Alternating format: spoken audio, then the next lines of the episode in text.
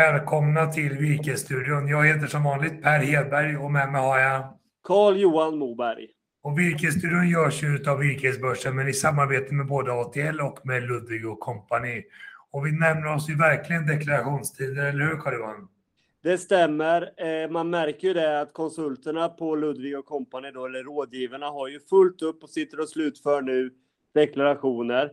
Och mycket av de deklarationerna som de gör har ju då blivit, vad ska man säga, grunden har blivit skapade i deras app Ludvig Skog. Så därför tycker jag vi lyssnar på en av deras rådgivare som presenterar den här applösningen mer. Hejsan! Erik Rasm heter jag. Jag jobbar på Ludvig Company i Umeå och jag skulle vilja slå ett slag för vår nya tjänst Ludvig Skog där du kan ägna dig åt löpande bokföring, bokslut och deklaration. Just nu har vi ett specialerbjudande på två månader gratis som du kan använda dig av genom att klicka på länken här bredvid.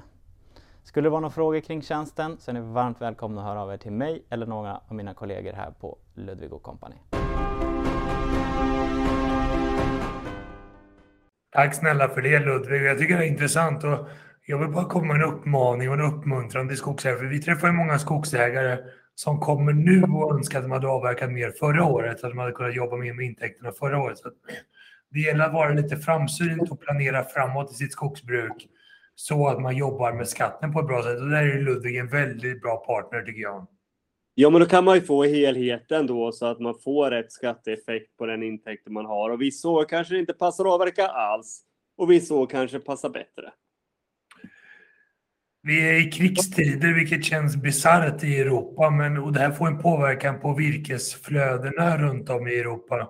Kan du hjälpa oss att förstå lite grann, Carl-Johan? Ja, men jag ska försöka göra det och det är egentligen inget roligt att försöka göra det med tanke på att det är fruktansvärda händer i Ukraina då. Men egentligen det som har hänt och var annonserat innan, det var ju då att eh, flödet från rundvirke från Ryssland skulle minska då med de här exporttullarna som de skulle lägga på. Mm. Eh, och det som har hänt just nu, all, all export av virke från Ryssland är ju helt strypt och från Belarus också och samtidigt också från Ukraina. Det som har avverkats, det är svårt att få fram. Och det här har ju gjort... Jag tror ju att det, det ryska och belarusiska virket, det kommer dröja innan vi ser det. För jag tror att de har urholkat sitt förtroende så pass djupt i västvärlden så att många företag som har köpt virke från både Ryssland och Belarus, de kommer ha svårt att gå tillbaka och göra det åtminstone över en överskådlig framtid. Ukraina får ju hoppas att de är isolerade under en kortare period och att det här kriget snart är slut. Ja, ja, ja, alla gånger. Jag tror ju att det är ju en ny typ av eh, järnridå som kommer att byggas upp eller har byggts upp. Eh, så att det här är en situation vi kommer måste anpassa oss efter. Och det finns ju lite olika aspekter här om man tittar på eh, flödena vad gäller rundvirke i norra Europa. Alltså, vi vet att Finland och eh, länderna Baltikum och viss Tyskland har importerat mycket rundvirke från, från Ryssland. Det har man ju svårt med nu och vad blickar man då? Ja, men då blickar man ju bland annat mot Sverige och kanske Norge. Jätteintressanta marknader. Och det där finns det logik i, för jag menar de svenska och norska virkespriserna är betydligt lägre än de utländska virkespriserna. Så att det finns mycket att tjäna på som skogsägare att sälja utomlands också. Verkligen, och på något sätt och vis är ju, då får vi ju kanske ett nytt värde på den svenska skogsråvaran också när vi kommer utländska aktörer och är villiga att betala bra. Det ser vi ju om inte annat på virkesbörsen. Jag såg prisuppgifter nere i Bavaria och mot österrikiska gränsen så betalas gran då i någon form av snitt och fritt bilväg nästan 1400 kronor per kubik. Och samma priser i Litauen ligger någonstans kring 11-1200 per kubik. Och i Sverige så ser vi dem kanske i Mellansverige någonstans kring 650-700 kronor per kubik. Så det är otroligt stora skillnader, nästan dubbelt så bra betalt nere på kontinenten. Precis. Och den sågade varan säljs ju sen på samma världsmarknad. Så att det, det finns ju, det är stora skillnader och det här måste vi se till att, att driva upp även priserna i Sverige på, på, på sågat, eller på, på rundvirke. Och det gör ju, tycker jag, det, det, är mycket som talar för en ökad efterfrågan på virke från Sverige. Dels för att priserna är högre utomlands, för att man inte får ta på virke från Ryssland och Belarus, men också för att man inte kan avverka lika mycket skog i varken Tyskland eller exempelvis Tjeckien. För där har man haft så stora härjningar av granbarkborren. Så att det där påverkar också utbudet och efterfrågan ökar och utbudet riskerar att minska. Det borde ju leda till stigande priser. Alla gånger. Och sen får man ju också ta och kolla lite längre. Vi vet ju att eh, idag så det, det, finns ju export av eh, ryskt virke och det, mycket idag går ju till Kina. Men eh, så därför kanske eh, Kina inte drar jättemycket det europeiska virket just nu. Men om vi blickar lite längre fram, för jag tror ju att vi står inför en rejäl kollaps av det ryska skogsbruket helt enkelt. För att de maskinerna som rullar i skogarna där borta är ju då eh, tillverkare ofta i Finland eller Sverige. Och vi kan ju inte, det är ju inget, det är inget bolag som förser de här med, med reservdelar. Utan Nej, Jag hörde det också att både Ponse, Komatsu och många, många andra, de har ju slutat skicka reservdelar och självklart också nya maskiner. Så jag menar, till slut så rasar ju skogsbruket i Ryssland totalt ihop. Och då kommer inte de då kunna leverera något virke till, till, till Kina då. Utan då är det intressant att se att då kanske Kina måste gå mer till Europa också för att hitta virke. Och samtidigt så har vi då de här stora härjningarna och förstörda skogarna i Kanada. Det gör att Kanada inte kan försörja sina stora kunder i Kina och i USA. Och de kommer behöva blicka mot andra källor för att hitta nordiskt barrträ. Och då finns det inte så många länder kvar. Då är det ju Norge, Sverige, Finland, Ryssland då. Mm. Ja, men om man kollar med de här miljöcertifieringarna nu så har det fallit ut från rysk virke. Det finns ju ingen som helst möjlighet att det är certifierat virke som kommer därifrån. Samtidigt så ser vi ju att efterfrågan utav certifierat virke ökar ju bland slutanvändarna där. Så här finns det också möjligheter för markägare att ta ett större ansvar och certifiera sina skogar och på det sättet kanske då få mer betalt. Och det borde ju kunna göra, menar nu om ryskt och belarusiskt virke, det är inte certifierat längre och det går inte ens att få tag på virket. Det gör ju att exempelvis då möbelföretaget Ikea som drar mycket volym från exempelvis Belarus, de kommer att hitta certifierat virke på andra marknader. Tror du att det kommer kunna leda till att certifierade skogsägare i Sverige får bättre betalt för virket också tack vare certifieringen? Nej, men det hoppas jag. Jag tycker liksom att det ska premieras att man då håller ett ansvarsfullt skogsbruk. Det var, du Carl-Johan, vi ser också samtidigt stigande bränslepriser, oljepriset har rusat, naturgasen rusar, vi ska sluta köpa kol från Ryssland, kolpriser går upp. Vad får det här för effekter på virkesmarknaden och skogsbruket? Nej, men stora effekter på skogsbruket. Ja, men vi vet ju hur dyrt det har blivit att tanka bilen som vi kanske då privata markägare tar för att åka ut till vår skog. Men tänk också på vad priset då för att driva motorsågar och inte minst skogsmaskiner och eh, lastbilar. Avsevärd påverkan där och det vet vi ju att en del bolag har ju då gått ut och sagt att man kommer kompensera sina entreprenörer med frågan vem det är som får betala för det. Förmodligen är det ju markägaren i sista ändan för de här dyrare kostnaderna. Och det här gäller ju även skogsvårdssidan, att det blir ökade kostnader. Och jag menar, vi får väl uppmuntra då att försöka ändå fortsätta vara aktiva i skogen, fortsätt röja, fortsätt gallra och fortsätt sköta om era skogar. Trots att vi har en väldigt kraftig inflation just nu så får man försöka jobba smart, konkurrensutsätta, ta in anbud från flera aktörer och vara lite om sig och kring sig. Det ska man ju alltid vara. En sak som jag också tycker man ska fortsätta det är att sätta plantor och du har träffat den som gör det. Ja, precis. Pierre Fridell, han är ju då VD på Sundin Skogsplantor i Växjö. Jag vill ställa mig av läget. Hur är det just nu? Så att eh, jag tycker Pierre får berätta mer om det här.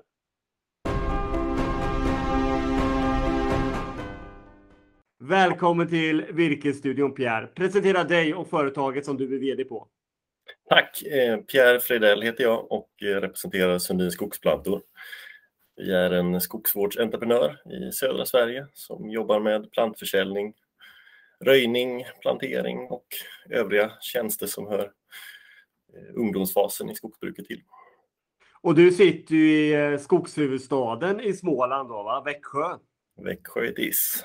Men ni har verksamhet egentligen i hela, hela Götaland kan man säga? Ja, stämmer bra. Genom tio olika ombud som är utspridda lokalt i Götaland. Precis. Hur ser det ut just nu då? Skogsvårdssäsongen, eh, ja idag är det kanske bakslag på vädret men det smyger sig sakta igång. Vad händer hos er just nu? Ja, det är väl eh, stökiga tider som för många andra.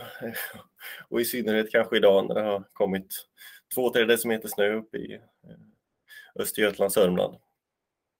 Men läget som sådant är ju att eh, ja, det är lite stökigt. Eh, tittar man i branschen så är det lite svårigheter med att få hit arbetskraft på grund av krigsutbrottet i Ukraina. Alltså vi, vi ser ju kraftiga prisuppgångar på flertalet saker, alltså såsom drivmedel eh, till bilarna, till maskinparken, eh, energipriserna som har rusat här under vintern, vilket eh, drabbar oss genom att vi hyr många bostäder till säsongspersonalen som är här och arbetar. Eh, men egentligen allting rusar ju för tillfället och, och vi jobbar ju mycket med att kunna trycka detta vidare till nästa led. Då. Om man tittar på det så när man satt för ett år sedan, två år sedan, då var ju pandemin som var det stora problemet att få ut arbetskraft. Är det ett, ett minne blott att det, nu är det kriget istället som gör att det är svårt? De har ju på något vis liksom gått in i vartannat det där. Eh, svårt att sätta finger på just vad det är, men det är, det är ju oroliga tider i världen och då är det svårare att, att flytta, eh, flytta människor. Om man får titta på den, eh, ni legoodlar ju alla plantor som jag förstått det som. Vart sker den här? Är det, i, i, det är utomlands mycket va? Och är det problem att få hit dem då med de här omständigheterna? Ja, lite odling har vi i Sverige med, men annars är det i Baltikum eh, och i Tyskland. Än så länge har vi inte sett några problem med att transportera hit plantorna, men givetvis så är vi lika så här drabbade av eh, stora prisökningar på transporter. Eh, och det är ju både på grund alltså det är flera parametrar i det där. Det är mobilitetspaketet som har lanserats i unionen här och vi ser att det är en brist på chaufförer och ja, problem vid gränser och allting detta leder till att priserna stiger. Om vi går ner, slår ner lite, är, man igång, är ni igång och planterar redan eller är det, har det blivit uppskjutet på grund av lite senare i våren? Ja, vi har väl smygstartat lite nere i Skåne och Hallandskanten men annars så är det lite kärvt. Det är hårt i backen och vi har lite bakslag i vädret här så um, vi hoppas att vi efter påsk här nu, det ser så ut i prognosen i alla fall, att vi ska kunna rulla igång på bred front. Då. Så under maj månad då, eller fram till någon vecka efter midsommar ungefär, hur många plantor är det som ni åtagit er i då att ska få ner i, i backen? I runda slänga 20 miljoner plantor ska vi plantera. Det kommer att bli en intensiv vår. Det kommer att bli, det kommer att bli och vi har ju haft en ganska lång vinter här, vilket har föranlett att markberedningen står still, så vi börjar redan där i lite uppförsbacke och se till att få fram hyggen som är redo för sättning. Eh, och sen ska vi ha hit personal då och sätta igång dem och utbilda dem. Så det, det är en apparat som eh, vi ska sjösätta under ett ganska litet eh, tidsfönster. Då. Hur ser det ut just nu då? Är det för sent att beställa plantor och få det planterat i vår? Och är det så att man vill ha tall? Är det ens möjligt att kunna köpa det? Ja, det är en bra fråga. Eh, varit väldigt god efterfrågan på plantor inf även inför den här säsongen, vilket vi har sett under några års tid nu. Och eh, ja, det mesta är upptecknat, men eh, visst, det skadar inte att, att ställa frågan till någon av våra ombud en gång till. Eh, vad gäller tallen så där är det nog kört för våren, utan eh, där är egentligen att blicka framåt inför hösten eller nästkommande vår och, och teckna upp sig tidigt så man vet att man får plantor. Ja, men det är ju så va? att man får ju inte glömma bort att redan på hösten så är det ju väldigt bra att lägga beställningar på vårens planteringar, eller hur? Absolut, för att vara säker på att man kan eh, genomföra sin föryngring året därpå. Om man tänker nu då, den här framförhållningen då. Eh, efter planteringssäsongen så drar ni igång röjningssäsongen. Ja. Eh, hur tycker du man ska agera där som markägare då? Likaså vara på alerten och eh, ha en dialog med oss. Eh, se till att att man eh, tecknar upp sig för röjning och likaså icke att förglömma eh, har man planterat nu i vår eller kanske satt förra året så kom ihåg att viltbehandla tidigt i höst. Eh, Augusti-september, lämpliga månader för detta. Precis, för att det är ganska mycket pengar som man investerar i de där nysatta plantorna nu och det är förödande om en älg eller rådjur kommer och äter upp dem. Ja men så är det, det är mycket pengar investerat i markberedning och plantering och plantor och sen så ska man ju löpa linan ut där och se till att ge plantorna ett fullvärdigt skydd de, de närmsta åren när det är känslig fas. Precis. Med det så tycker jag vi tackar för att du ställde upp här i Virkesstudion. Alltid roligt att höra en, eh, få en aktuell bild på egentligen vad som händer där ute i skogarna. Problem med mycket tjäle i vinter, Och nu bakslag i vägen, men vi hoppas ju då att det vänder under påsken då så att vi får igång planteringarna. Och stort lycka till! Stort tack!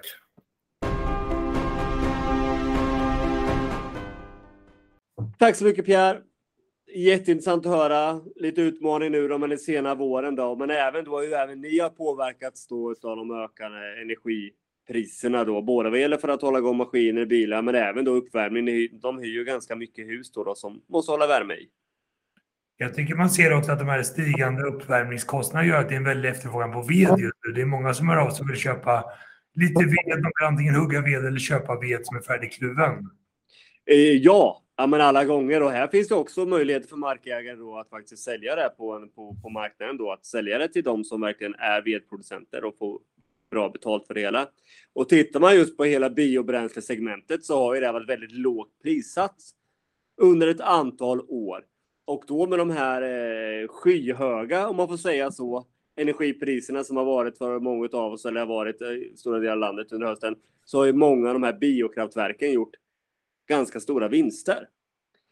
Men eh, jag tror ju och jag hoppas och hör ju att lagra biobränsle har ju sjunkit för man det ganska mycket då med tanke på att det har kostat mer. Då, så att det finns en liten eh, ljusare framtid för just biobränsle att få upp det priset här under hösten. Jag tänker också att de här stigande energipriserna, det gör att energiproducenterna får en stärkt betalningsförmåga så att de skulle kunna köpa till och med kanske massaved till massavedspris. Det tror jag alla gånger och det tror jag redan sker och speciellt om den korta transportavstånd. Jag hörde om ett energibolag, de kunde betala var nu, det var typ 350-400 kronor för levererad då virkesråvara för att elda i sitt kraftvärmeverk. Så att då är man inne och konkurrerar med massaveden. Sen hörde jag om ett annat kraftvärmeverk som i normala fall eldar sopor på grund av logistikstörningar och problem med frakter så hade de inte fått tag på sopor att elda upp då. Och då hade de behövt elda upp hela sitt flislager. Så det går ju fort att bli av med virke om man eldar upp det också. Ja, ja, ja. Det gör det ju verkligen. Och eh, så här tror jag, alltså har du den där grothögen, gå inte och eh, vara förbaskat på att den ligger kvar eller ser, ser lite ful ut på hygget, utan se det som en, en möjlig intäkt som kanske då har stigit ett antal procent här nu under sommaren. Bra tips. Vad, vad har vi att se fram emot framöver nu då? Nej, men framöver nu så tror jag, jag tycker det är alltid intressant att följa när skogsvårdssäsongen drar igång då och se hur det egentligen går. Och har man då planteringar igång på sin fastighet och gå ut och följa dem och kanske följa förra årets plantering också och se hur de jobbar eller hur de växer. Trampa lite gräs och de bitarna som man ser att det kommer igång. Någonting som jag vill redan nu flagga för också, det är att man kan träffa oss första helgen i juni när vi är på Elmia Wood. Då kommer vi ha en monter där. Kom förbi oss, prata med oss vi kommer att prata med så många som möjligt i alla fall. Du, förra, förra Elmia så körde Södra lite granbarkborreteater. Tror du vi kommer se några granbarkborrar på årets Elmia? Jag tror att det självklart kommer att vara en stor del att det här man ska se till att vara aktiv i sin, sin, eh, sin skog och sådana saker. Eh, mm, men jag tror och hoppas väl inte att vi kommer att se någon teater. Men vi, vi, kan väl misstänka att det blir lite fortsatta härjningar och att de letar sig längre och längre norröver. Har du några tips och tricks till skogsägarna som får skador? Jo, men även, alltså, även om du har skador riskera vara kall, liksom, se till att vara rationell i dina beslut, konkurrensutsätt. För det skiljer sig ju väldigt mycket då. En del kanske betalar 90 kronor för det här sortimentet och en del för att elda upp det. En del kanske betalar eh, 400 kronor för att de kan såga det. Så att här finns ju verkligen var, var kall och se till att fråga så många som möjligt. Jag tycker det är intressant för det som nere i Tyskland och kontinentaleuropa är att många sågar också sågar granbarkborrevirke och gör det med bra förtjänst. Mm. Det gör att de kan betala bra för granbarkborrevirke från Sverige också. Så att ge inte upp idén om ni får skador i skogen om man ändå kan få lite betalt för virket och slumpa inte bort virket och se det som förlorat utan gör vad ni kan för att få lite betalt även för granbarkborresortimenten så kan man rädda en del värden och en del pengar där i också.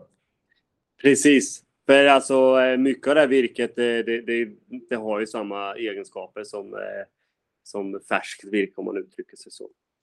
En annan sak som vill skicka med så här inför eh, påsk som är nästa vecka, det är ju att på all ved ska vara klyven och klar och staplad då innan dymmelonsdagen. Innan, annars går ju dymlen i veden, sen gammal folksägen där jag kommer ifrån. Så se till att ställa på vedbacken nu i helgen så att ni har bra ved inför vintern.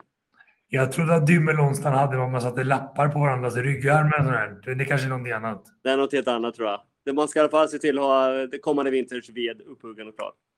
Jag, jag, jag vill bara skicka med innan vi avrundar för idag att håll er uppdaterade. Det svänger fort på virkesmarknaden. Energipriserna svänger fort och mycket. Så håll er uppdaterade och gör så bra affärer som ni bara kan utifrån era förutsättningar och drömmar och visioner i ert skogsbruk. Och med det tycker jag vi tackar för idag Carl-Johan. Jag får önska dig en trevlig helg. Detsamma. Hej då! Hej.